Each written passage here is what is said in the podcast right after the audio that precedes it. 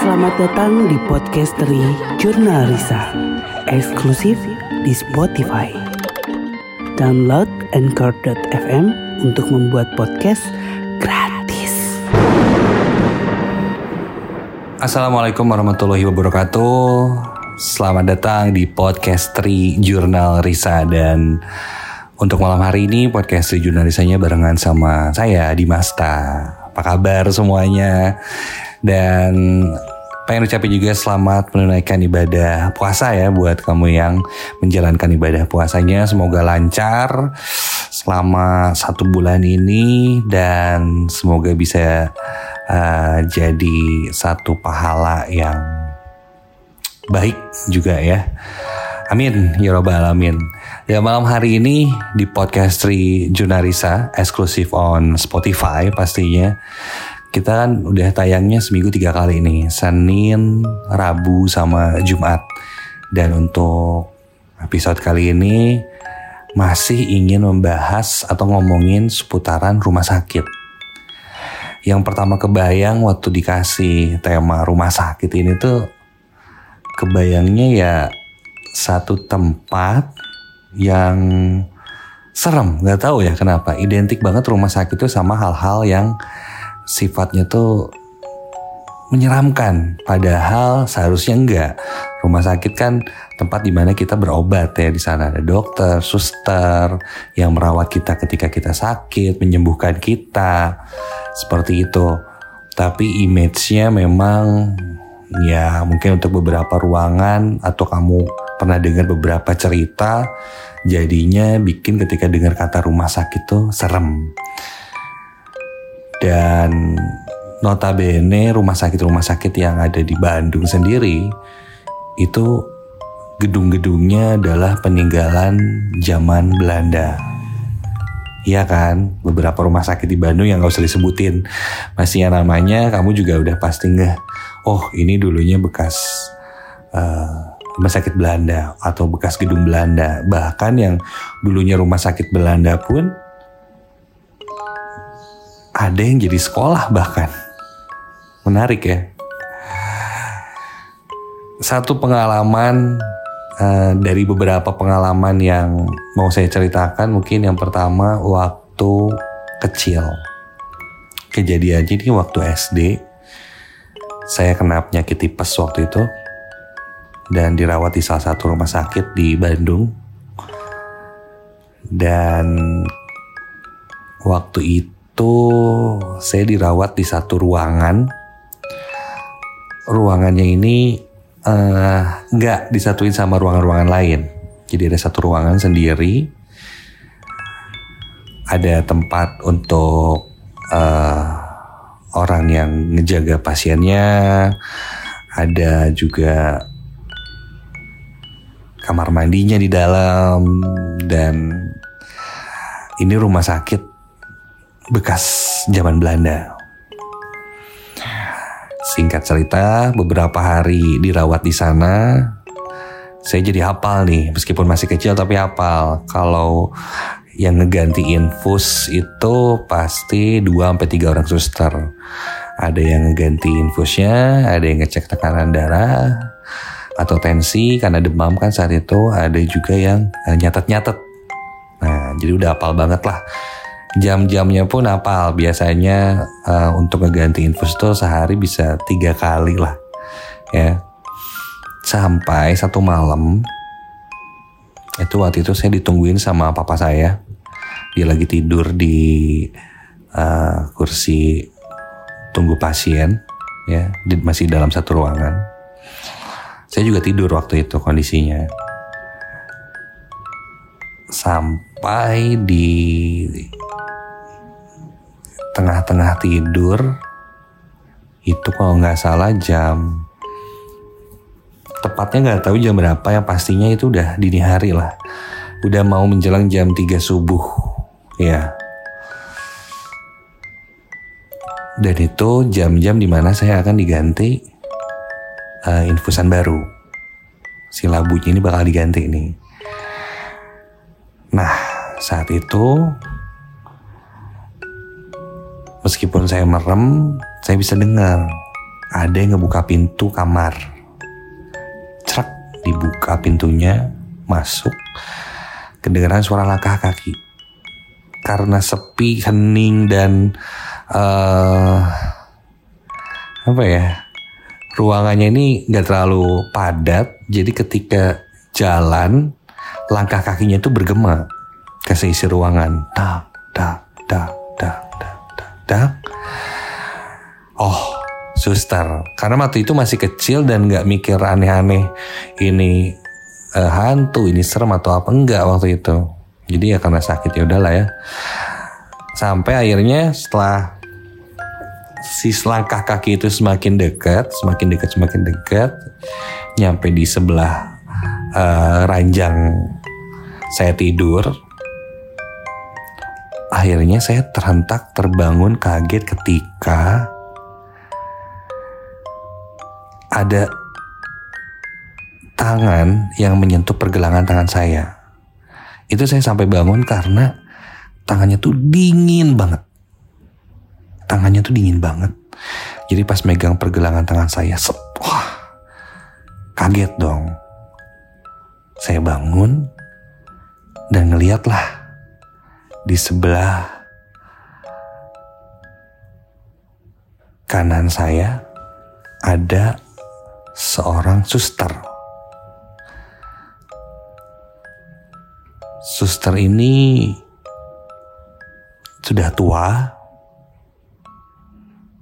rambutnya sebahu berwarna hitam, memakai baju suster putih, ada hiasan di kepalanya khas suster, dan dia memegang telapak tangan saya, memegang pergelangan tangan saya oleh kedua tangannya, dan mengganti infus saya. Dia tersenyum. Saya bisa lihat wajahnya dengan cukup jelas ketika itu meskipun uh, suasana kamar ini agak gelap temaram gitu ya. Cuma masih kelihatan tuh dengan jelas wajahnya. Dia tersenyum. Seorang ibu-ibu lah bisa dibilang. Layaknya suster yang mengganti infus, dia tidak banyak bicara. Dia ganti labunya dan lain-lain. Gak berapa lama selesai dia tersenyum, berjalan keluar. Namun yang agak aneh nih jalannya mundur. Jadi biasanya ya normalnya kan udah ngecek ngecek ngecek, balik badan, jalan keluar pintu. Kalau ini yang saya ingat dia jalannya mundur sambil terus melihat ke arah saya. Sambil tersenyum dia mundur, mundur, mundur, mundur.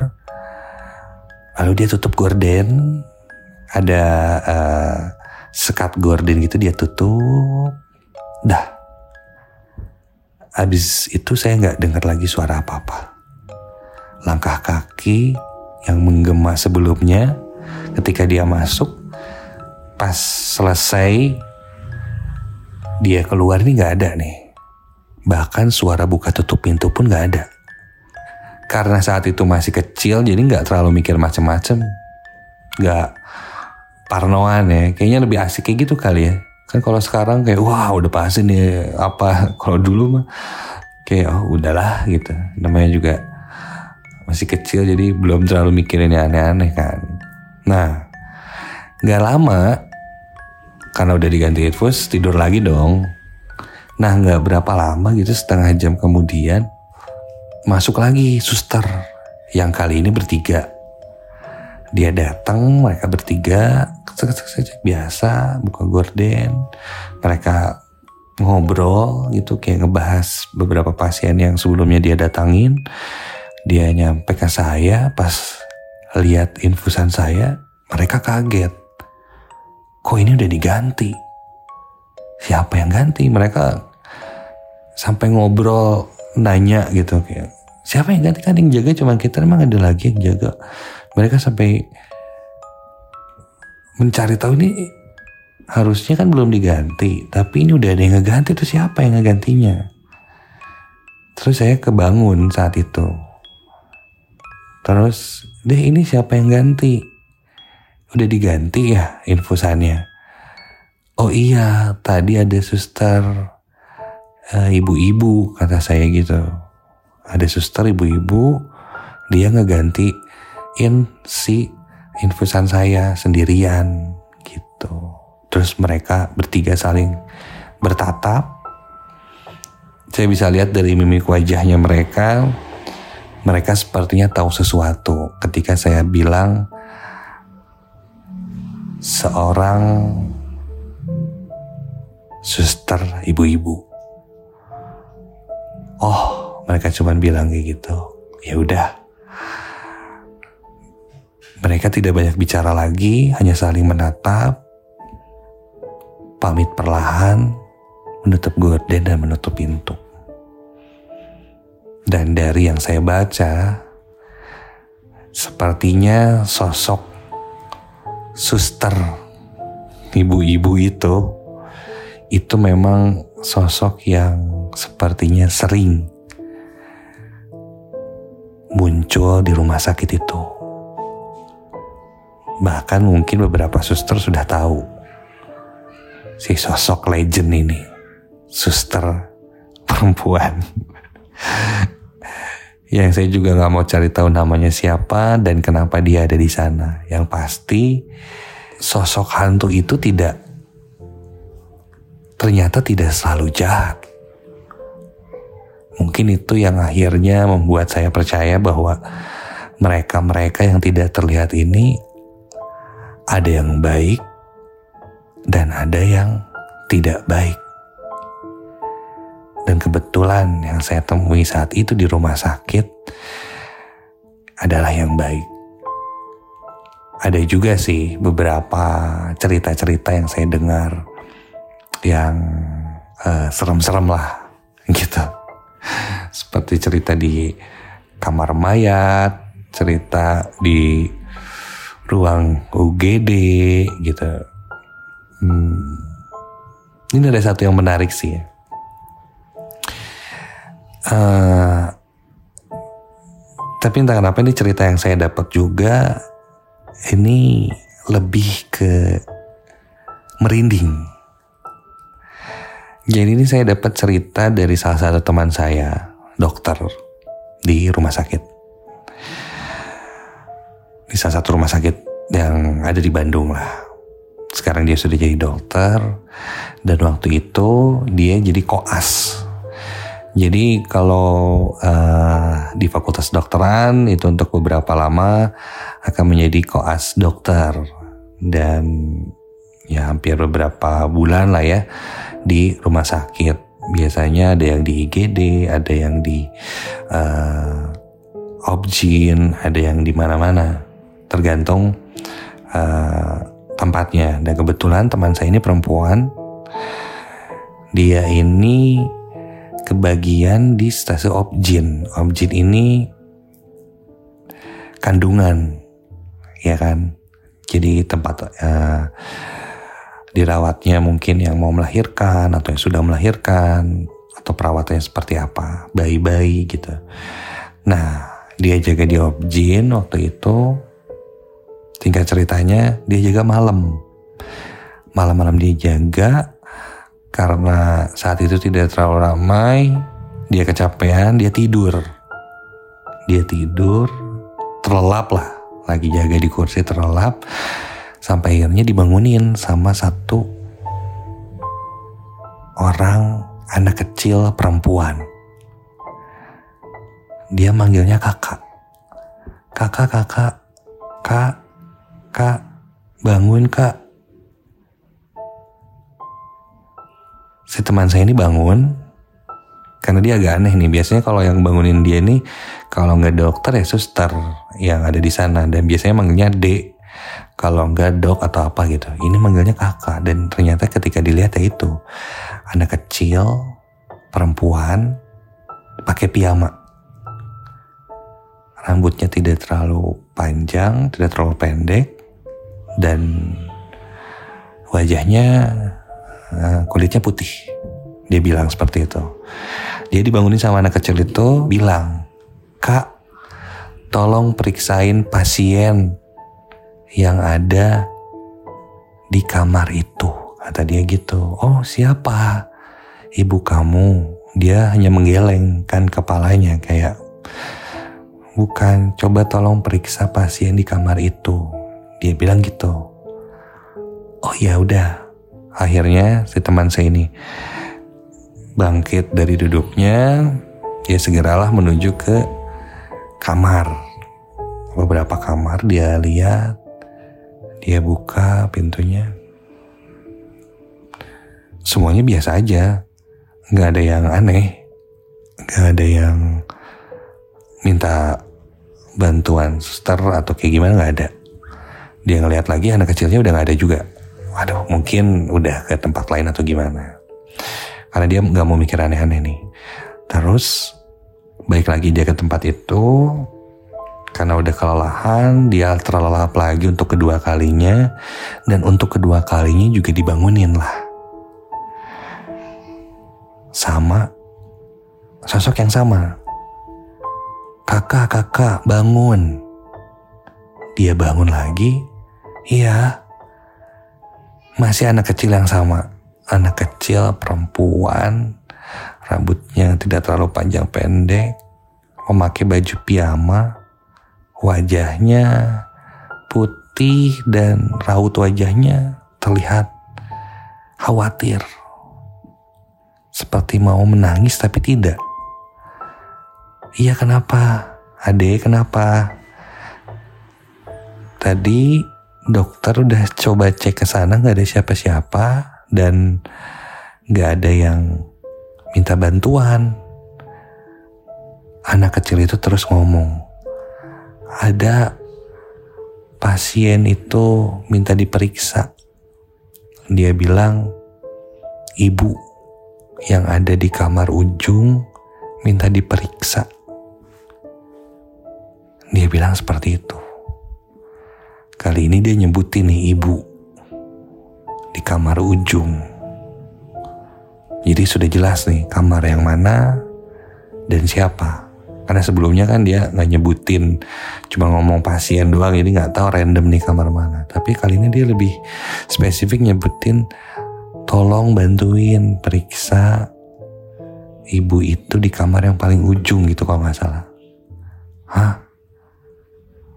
Yaudah, akhirnya dia jalan bergegas ke kamar yang paling ujung. Dia buka pintunya, dan di sana memang ada seorang perempuan yang sedang tidur di situ ditemani juga sama beberapa keluarganya. Karena tidak melihat ada yang aneh, tapi ya si teman saya ini coba memeriksanya lah keadaan si perempuan ini. Yang dari data dilihat, dia baru saja uh, melaksanakan proses sesar untuk kelahiran anaknya. Dan ini hari pertamanya dia dirawat atau hari keberapa lah, aku lupa.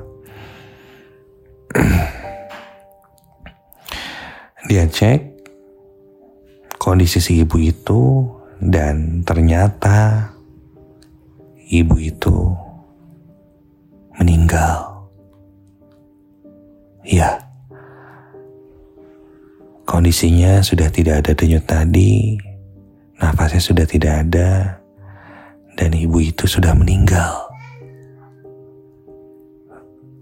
Segera teman saya ini langsung membangunkan keluarganya dan memanggil yang lainnya juga untuk memastikan kondisinya dan ternyata memang ibu ini sudah meninggal. Tangisan terdengar menyeruak di ruangan itu. teman saya masih shock, kaget, nggak percaya dengan apa yang terjadi pada dia malam hari itu. Sampai dia bertanya sama sanak keluarganya si perempuan ini, apakah mereka punya anak kecil perempuan? Kira-kira umur 7-8 tahun mungkin. Dan ternyata tidak. Dan ibu ini melahirkan anak pertamanya sesar dan anak kecil itu tidak ada yang kenal dan tidak ada yang tahu siapa. Wah dengar cerita itu saya langsung merinding terus sedih dan ini ini sosok-sosok yang ada di rumah sakit ini ternyata bisa menjadi satu pertanda, bisa menjadi satu pesan yang tidak terduga akhirnya. Dengar itu saya langsung kayak ampun. Ini ini ini kok bisa ya kayak gini dan teman saya juga bilang apa mungkin anak kecil itu seorang malaikat kah yang memberitahu saya bahwa ada pasien yang meninggal saat itu ataukah anak kecil perempuan ini sosok perwujudan anaknya ibu itu ketika sudah dewasa. Waduh, makin bingung ya.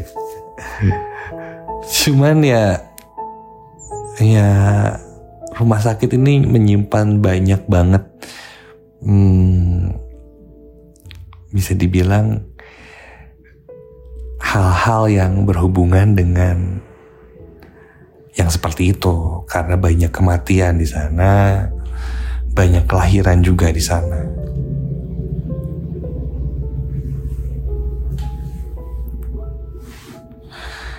Yang memang gak bisa kita pungkiri lagi bahwa tempat kehidupan atau bahkan kematian berada di satu tempat ya di rumah sakit.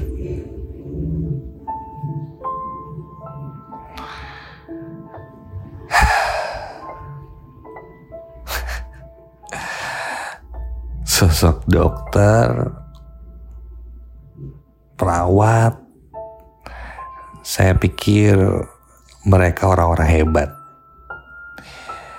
Ada di satu tempat yang luar biasa itu dengan berbagai pengalamannya, tapi mereka melakukan pengabdian pada masyarakat untuk menyembuhkan kita, apalagi di masa sekarang pandemi seperti ini pasti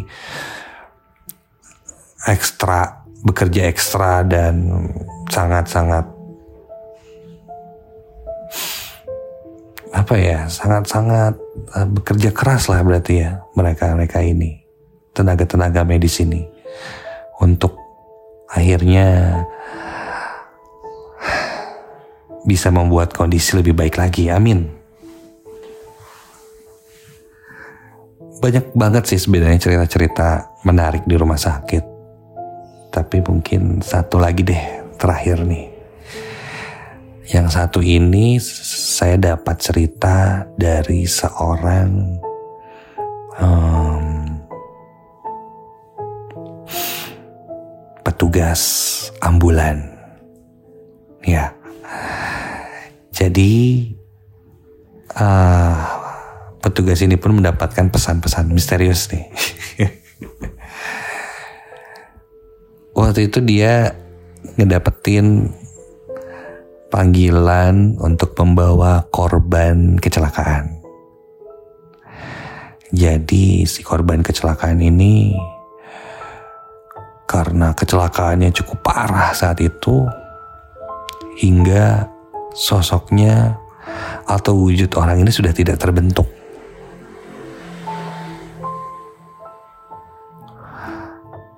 wujud orang ini sudah tidak terbentuk, mukanya hancur, beberapa bagian tubuhnya juga.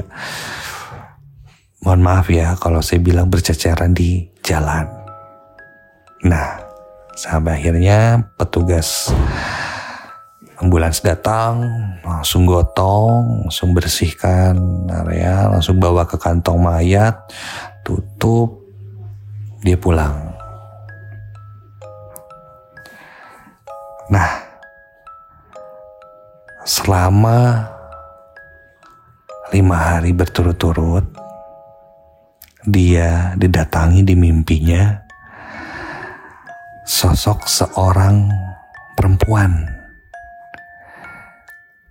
yang entah dia tidak kenal wajahnya, tidak kenal siapa orang itu, tapi selalu muncul di mimpinya dia. Hari pertama muncul, memperlihatkan wajahnya. Hari kedua muncul lagi, mungkin yang sekarang lebih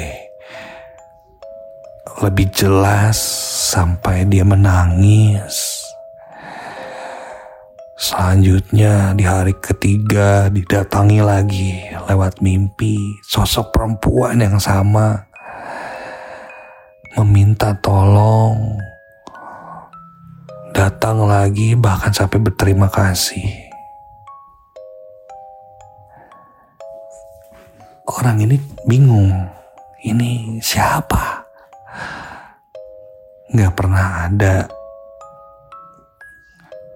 ketemuan sama orang yang wajahnya seperti ini. Dia sampai cerita sama teman-temannya, saya didatengin mimpi seorang perempuan ini datang terus. Lima hari berturut-turut wajahnya sama sosoknya sama bajunya sama. Seorang perempuan rambutnya panjang wajahnya pucat. Tapi dia memakai baju biasa gitu. Sampai teman-temannya pun tidak memberikan jawaban apa-apa karena ya udahlah nggak tahu nah saat itu di satu mes teman-temannya itu mereka uh, karena sedang santai mungkin istirahat mereka akhirnya bersih-bersih lah. Bersih-bersih. Dalam artian kayak nyuci-nyuci baju apa dan lain-lain. Nah si orang ini tugas yang didatengin mimpinya ini dia ngebersihin lah sepatunya dia. Pas dilihat ternyata di bawah sepatunya dia itu ada sesuatu seperti potongan daging yang sudah busuk yang terinjak di sela-sela uh, soal sepatunya dia. Dia lempar sepatunya kaget. Oh, ini mungkin, ini mungkin yang akhirnya mendatangi dia. Karena itu sepatu itu terakhir dia pakai saat membersihkan uh, korban kecelakaan yang hancur itu. Dan korbannya itu seorang perempuan memang dan dia menemukan sisa mungkin bagian dari tubuhnya atau entah darahnya atau bagian apanya itu terinjak dan menempel di sepatunya hingga si sosok itu pun mendatangi orang itu. Waduh, pernah dengar juga gak sih cerita tentang itu? Ketika ada yang kecelakaan bahkan kalau darahnya sampai netes kena sepatu kita atau apa itu kadang suka ngikut gitu. Makanya ketika ada seperti itu uh, setelah kena apanya darahnya atau kayak gimana itu biasanya bajunya uh, dibuang nggak dipakai lagi. Ini pun jadi satu hal yang merinding banget nih ketika dengar mereka-mereka ini bekerja berhubungan dengan hal-hal yang sifatnya hidup dan mati dan ketika memang bertemu yang uh, meninggal tidak wajar kecelakaan ada hal-hal yang terbawa dan akhirnya mendatangi mereka yang entah siapa. Random banget. Akhirnya si potongan itu dibuang ke air yang mengalir dan alhamdulillahnya nggak kejadian lagi apa-apa saat itu. Itu mungkin sedikit ya beberapa pengalaman dari banyak banget nih cerita-cerita yang saya dapat seputaran rumah sakit ya mungkin nanti bakal saya share lagi di podcast Tri Jurnal Risa eksklusif on Spotify. Terima kasih banyak. Dimas pamit Assalamualaikum warahmatullahi wabarakatuh. Podcast Tri Jurnal Risa eksklusif di Spotify. Download Anchor.fm untuk membuat podcast gratis.